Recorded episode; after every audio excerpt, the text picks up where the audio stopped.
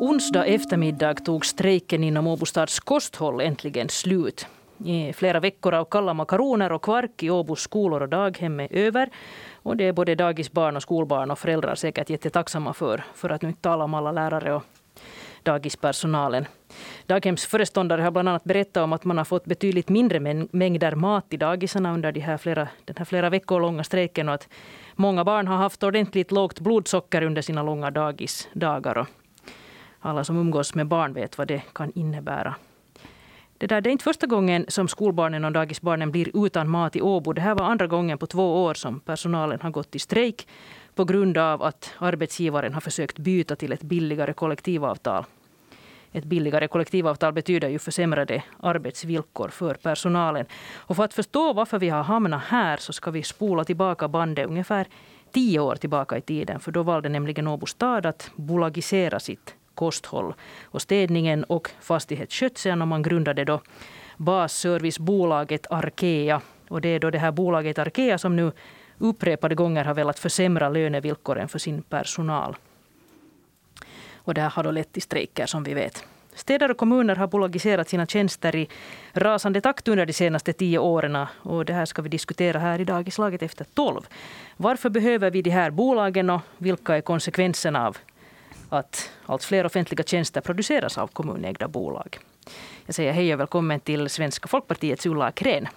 Tack så mycket. Du sitter i stadsstyrelsen i Åbo. Och så har vi också Jaakko Lindfors från Vänsterförbundet. Också du sitter i stadsstyrelsen i Åbo. Välkommen. Tack så mycket. Och så ska vi också ha med oss direktör Ulf Stenman från Kommunförbundet. Välkommen. Tack så mycket och hej allihopa. Hej. Den här strejken i Åbo den hann pågå i drygt två veckor. och Den handlar alltså om att basservicebolaget Arkea, där Åbo stad äger nästan 100 procent av det här bolaget. De, de upplevde att de inte klarade sig i konkurrensen med andra liknande bolag. Man uppgav att man hade förlorat offerttävlingar på grund av att, att Arkea då hade för dyra priser. Och därför funderar ledningen då på nya sätt att spara. Och ett sådant här sätt var då att byta kollektivavtal för personalen till ett billigare. Och det här hade betytt sänkta löner och mindre semester, upp till två veckor mindre semester till exempel. Arkea har drygt tusen anställda och det där lönen ligger omkring 1800 euro i månaden. Nu är strejken över för den här gången, Jaakko Lindfors. Du är beslutsfattare och på så vis representerar du här lite nu då Arkeas ägare. Vilka stilpoäng ger du nu åt den här episoden? Jag måste säga att, att JHL, Jutu och, och arbetstagarna och de gjorde sin del igen. Samma, samma sak som, som för två år sedan. Och och jag förstår verkligen deras kritik och, och hur de protesterar mot de här lönesänkningarna, för att i många fall skulle det ha betytt um, liksom arbetstagare som har mindre än 2 000 i månaden som, som lön, och, och man skulle ha sänkt uh, cirka 200 euro i månaden i många fall. Så jag förstår det här att, att Lönegroparna är problematiska och vi skulle ha höjt många lönegropar i och med det här beslutet. Nu har det lämnats in åtminstone tre klagomål till regionförvaltningsverket och flera anmälningar till justitieombudsmannen om hur det här har skötts av Åbo stad. Det är ju ändå ni som, eller staden här som har det här slutliga ansvaret för att barnen ska få sin lagstadgade mat. Det där, ännu Jaakko Lindfors, hur klokt var det här försöket från Arkeas sida att, att försöka sänka lönerna på det här sättet med ett billigare kollektivavtal? Var det liksom klokt? ett klokt drag.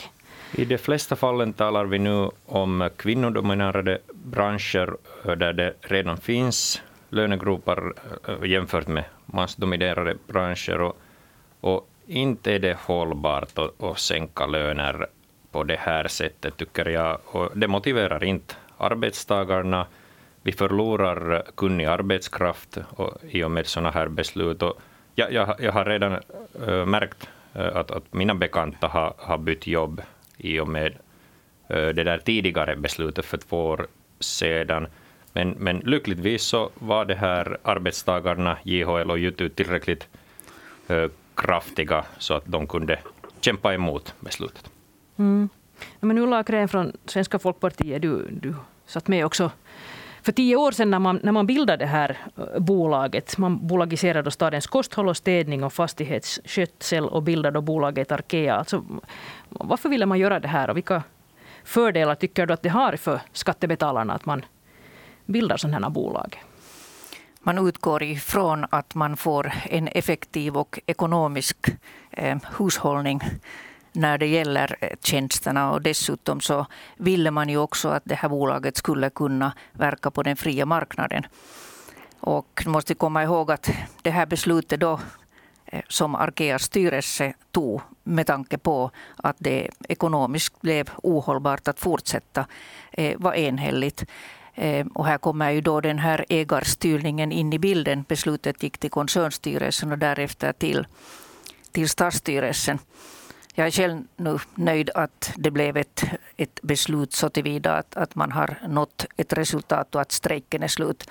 Eh, jag å min sida är, är väldigt besviken på, på den utpressning som JHL och Jutu använde eh, när det gällde dagisbarn och skolbarn som spelknappar.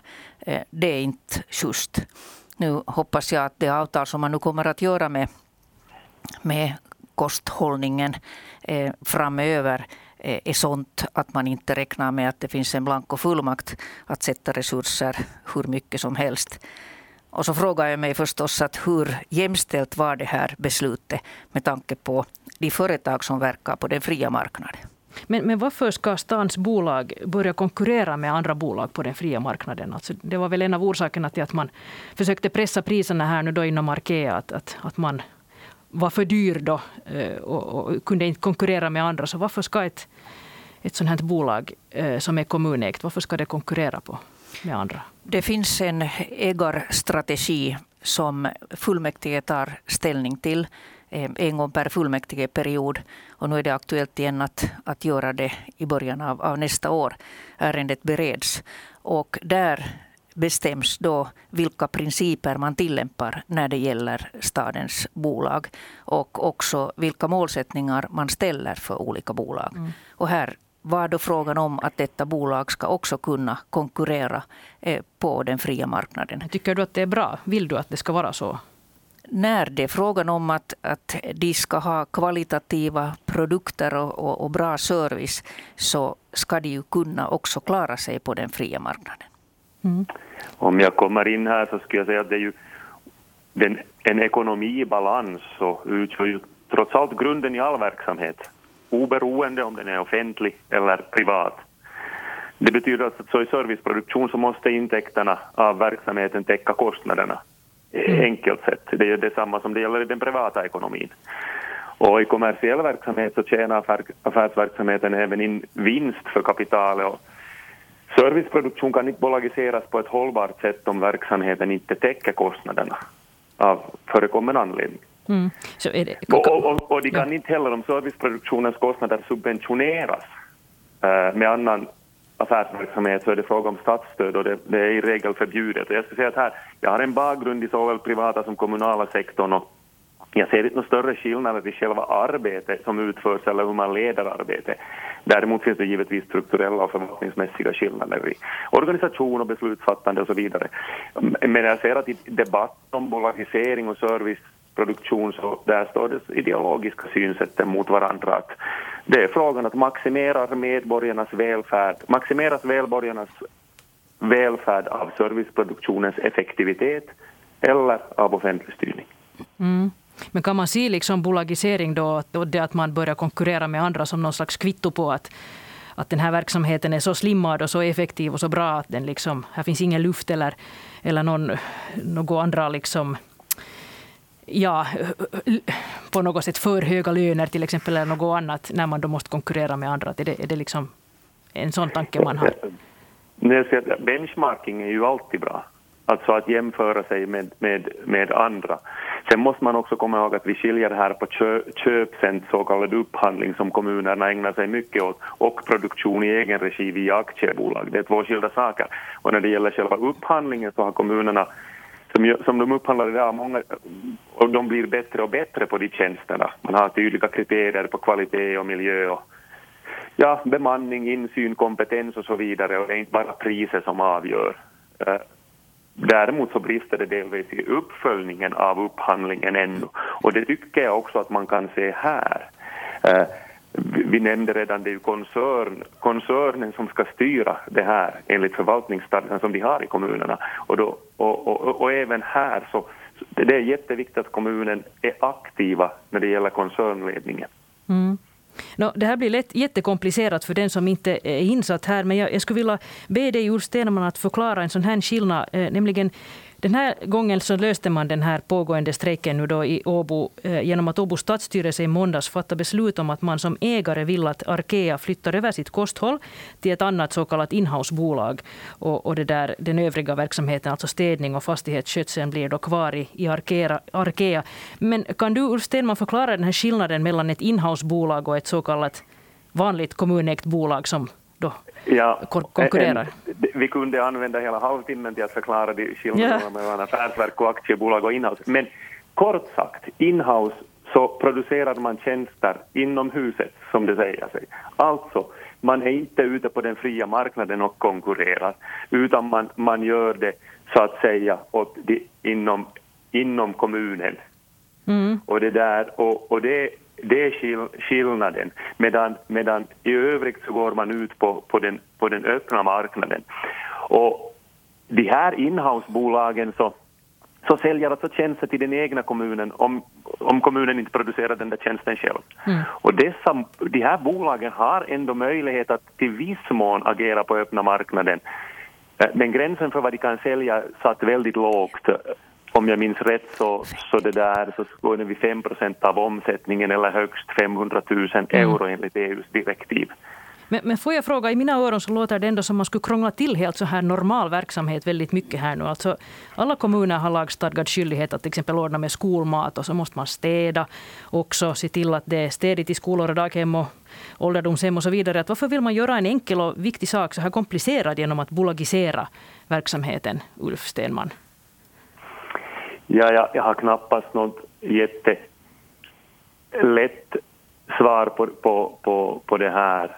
Men det, där, det är klart att, att man, man försöker effektivera så långt som det går och, och man anser att man via bolagiseringen effektiverar verksamheten och också kan nå andra synergieffekter.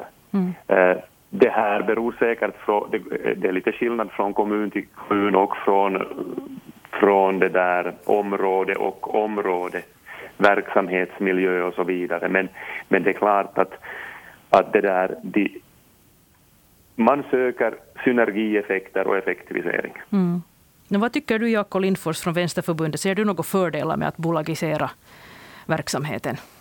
Alltså, nu kan det effektivera service och, och det har Argea också gjort och det har vi lyckats med.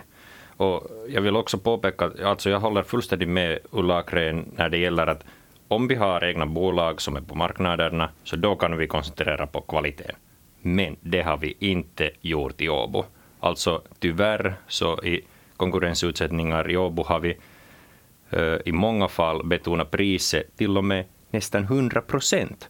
Och det har inte Helsingfors gjort. De har betonat mera kvalitet. Det borde vi också göra. Det vill säga, det är nu inte endast det här Arkea-beslutet som, som var viktigt, utan lika viktigt kommer att vara att de service som kommer att finnas på marknaderna, som, som Åbostad kommer att beställa i fortsättningen, så nu måste vi också uppdatera de här kriterierna för konkurrensutsättningen och betona mycket mer kvaliteten i fortsättningen än bara priset.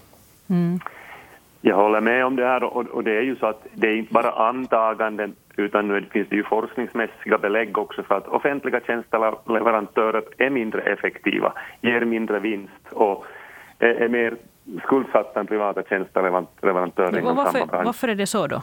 Att... Ja, ineffektiviteten kan bero på olika faktorer. Det, kan vara sämre ledning på grund av bindningar och press på det politiska planet. Äh, mindre, skulle jag säga, väldefinierade mål eftersom de kan variera från valperiod till en annan. Uh, de, man kan också se det så att man som offentlig serviceleverantör har svagare såna ekonomiska incitament för att utveckla verksamheten. Det vill säga att inkomstöverföringar från offentliga sektorn uh, och att skuldsätta sig, på, säga, om man säger det, på samhällets bekostnad. Uh, men och det, eftersom det inte finns möjlighet att använda överskottet på, genom, för att utveckla sin verksamhet på det sättet. Men... Eh, personligen ser jag som ett, ett mera utvidgat, jag har ofta fått frågan eftersom jag har jobbat i bägge, hur kan det vara effektivare att sköta det privat än inom det offentliga? Och i princip ska det inte vara det. Men, men det som jag ser på, på av erfarenhet är att äh, ett, man har ett mera utvidgat ansvar inom den privata sektorn, vilket i sig kan öka effektiviteten. För... Och i klarspråk, mindre mellanchefer. Det där, eh, som, som utomstående betraktare här nu så är det lätt att tänka sig att, att jag vet inte om det är det här du, du menar, men att, att det är lättare för politiker att, att bilda ett bolag som sen kan utföra den här typen av obekväma sparkurer. Byta till billigare kollektivavtal till exempel. Försöka pressa lönerna. det, det skulle vara besvärligt att göra politiskt i ett politiskt sammanhang men när man bolagiserar och för över det till ett bolag så kan man till exempel hänvisa till, till konkurrens och annat. annat. Ulla Kren, ligger det någonting i det här? Eh, jag hoppas det inte ligger någonting i det. Jag hänvisar igen till den här ägarstrategin där vi faktiskt har fått nu en presentation om Eh, vilka punkter som ska ingå i den. Och, och, där finns ju bland annat en sån sak att, att man skulle ta upp det att, att det bolag som konkurrerar på marknaden eh, kan behålla eller öka sitt värde endast med jämställda kollektivavtal med konkurrenterna. Och då betyder det ju redan att man har liksom en parameter som är jämförbar med de på privata marknaden. Mm. Nu det är ju ändå ett politiskt val att ni, ni väljer att liksom, så här vill ni styra det här kommunägda bolaget. Att, att pressa lönerna till exempel, men det är någon annan som får utföra det. Nej, utan då kan vi undvika sådana här konflikter som vi hade nu med, med Arkea där bolaget själv tycker och sen kommer politikerna och säger att det här går inte. Mm. Vad säger du, Jaakko Lindfors, om det här? Mm, jag, jag skulle, no, nu har vi löst det här akuta problemet och, och det har hittats ett lokalt avtal och det, det är hållbart. Alltså det, det, är det viktigaste, att via förhandlingar så hittade arbetsgivar och arbetstagarorganisationerna en, en hållbar lösning och båda vill att binda sig till det här avtalet och, och, och det, det är liksom bra i sig. Men jag skulle ännu vilja att ö, nästa steg som staden tar är att, att vi betonar mera kvalitet i upphandlingar. Och, och ett exempel är skolmaten i Åbo. Nog är det ganska ensidigt, det här kvaliteten. Och jag vill att vi betonar mera kvaliteten i fortsättningen.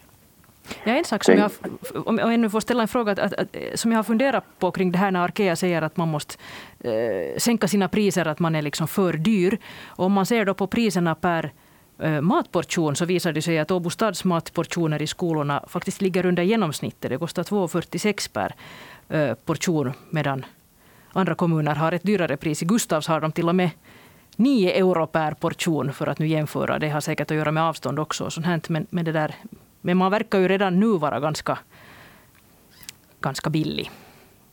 Ulla Akren. Ja, jag tror att det genomsnittliga priset är 2,80 och det är ju också väldigt lite. Eh, jag tycker nog att istället för att hålla på med sådana här diskussioner om eh, var ska vi sköta det så ska vi sköta det så bra som möjligt och också satsa på, på den här kvaliteten och sätta pengarna hellre på, på kvaliteten. Mm. Ulf Stenman, du ville kommentera här tidigare. Nej, jag tänkte att vi har idag cirka 300 eller 3 000 kommunalt ägda bolag i Finland och drygt 50 000 anställda. Ja, det är inte en helt uppdaterad siffra, men någonting i den stilen är det. Och största finns inom elgas och värmeproduktionen och bostadsbolagen, men ser man till antalet anställda så är flest inom förvaltnings och stödtjänster. Och, och det är alltså riskerna i ordnet av tjänster i, i privat regi så som anknyter till att konkurrensen inte alltid, det, det, fungerar inte på ett sätt som är önskvärt alltid. Och, och det här illa fungerande konkurrens kan, det kan ibland leda till att marknaden koncentreras till några stora aktörer eller att kvaliteten på tjänsterna är onödigt dålig. Eh, det kan också vara, en följd kan bli att, eh, att geografiska regioner eller, eller områden, eh, det finns sådana områden där lönsamheten är dålig eller inte attraherar alls leverantörer och då prutar de på kvaliteten. Medan andra områden kan ha överproduktion. Och jag så det finns många aspekter av bolagisering av kommunala tjänster som är problematiska. Alltså försämrade eh, villkor, anställningstrygghet är, är, är någonting som vi, som vi nämner här.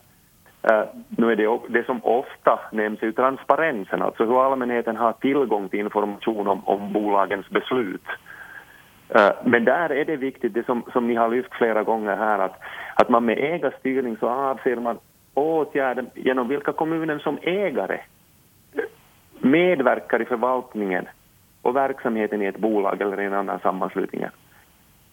Det, det kan, det, och det är jätteviktigt att det finns de styrmekanismerna där och att man är medveten om det. Vi har faktiskt varit, det här säger jag inte med, det, det, här är så här som på, på finska heter sormitunma, men att vi har varit lite mycket fast i priset. Mm. Uh, i, i kommuner, när jag säger vi. Eh, det där, eh, medan man allt mer har fått in andra incitament i de här upphandlingarna och i de här bolagen där, där kvaliteten och övriga eh, personal, politik och så vidare har kommit, ha, ha kompetens och så vidare har blivit viktigare. Mm. Ulla Jag understöder till, till fullo det som Ulf Stenman just det här sa. Eh, ett gott exempel, jag som ofta talar om den tredje sektorn och, och, och stöder den privata sektorn och användningen av den också, så kan vi ta städtjänsterna. Eh, det är ju ständigt så att man klagar på dem. Det må sen vara i stadens, kommunens regi eller, eller privata aktörer. Och då kommer vi tillbaka till den här ekonomin. Eh, det är omöjligt att kräva fullständig eller väldigt bra kvalitet om inte vi också kan betala för de där tjänsterna. Då skulle jag vilja också säga det att när man talar om om staden äger eller kommunen inte äger. Eh, det primära för en kommun är ju inte att äga. Eh, utan det primära är ju att, att få de här tjänsterna åt kommuninvånarna. Och, och ägandet är bara ett medel. Mm.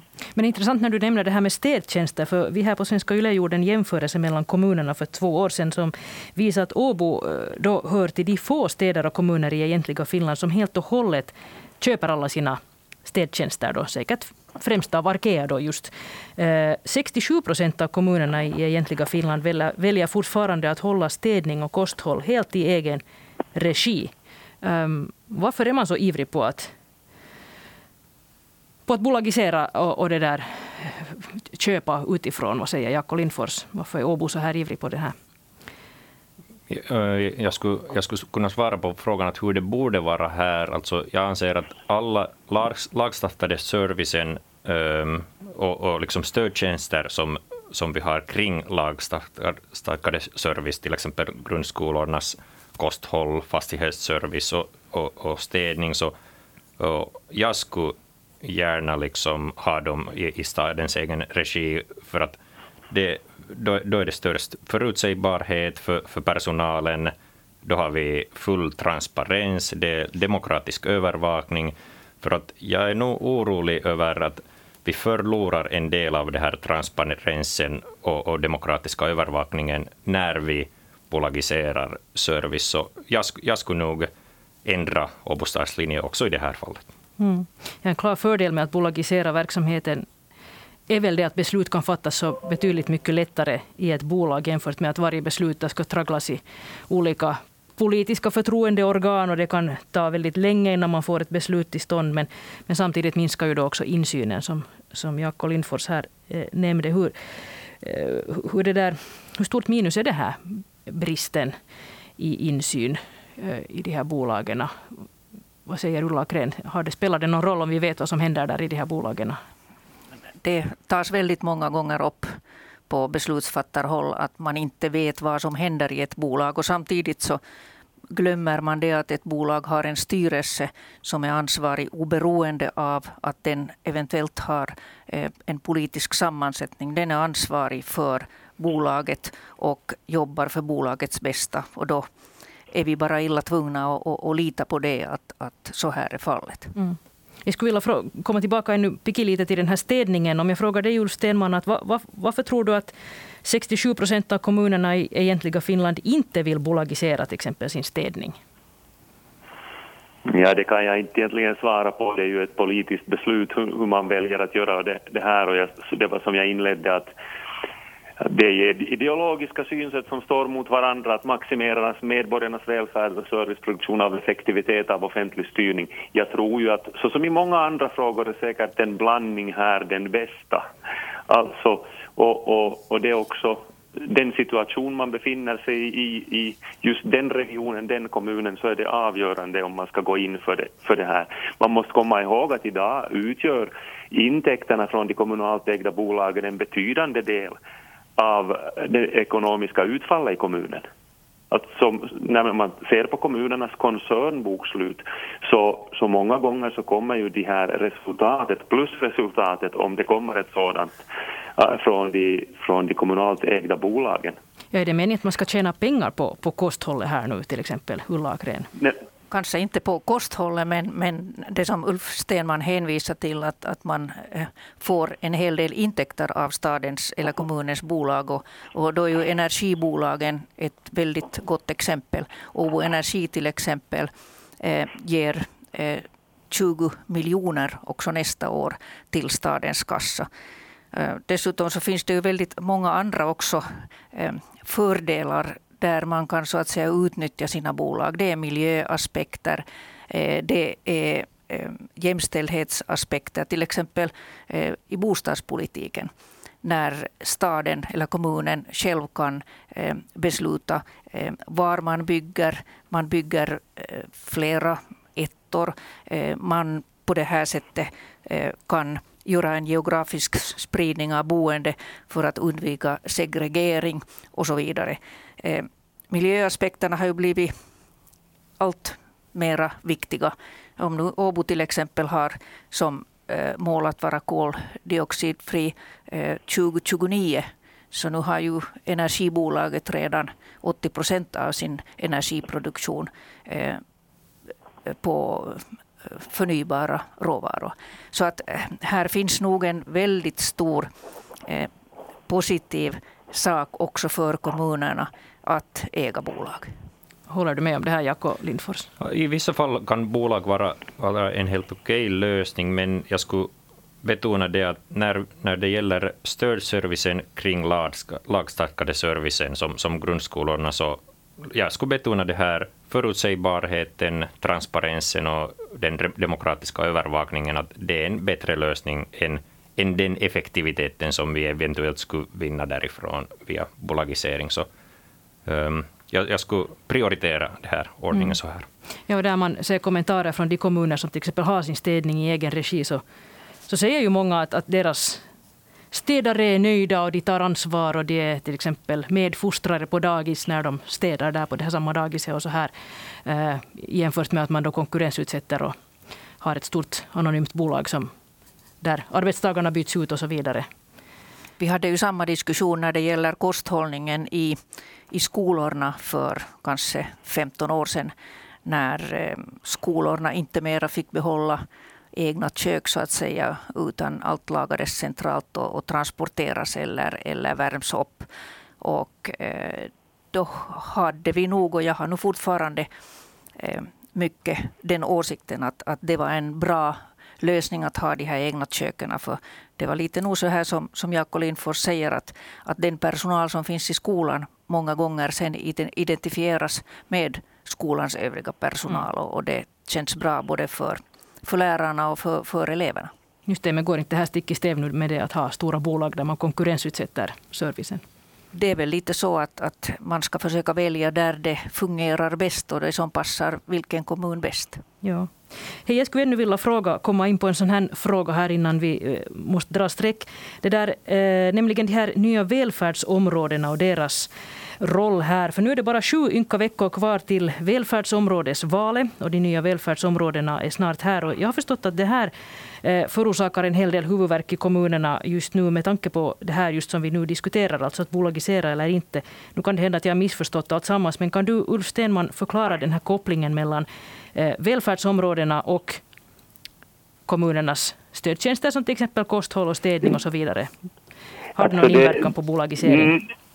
Det, det, det här, eh, om man enkelt säger så är det så att lagstiftningen för välfärdsområdena på det stora hela så ser lika ut som den kommunala lagstiftningen.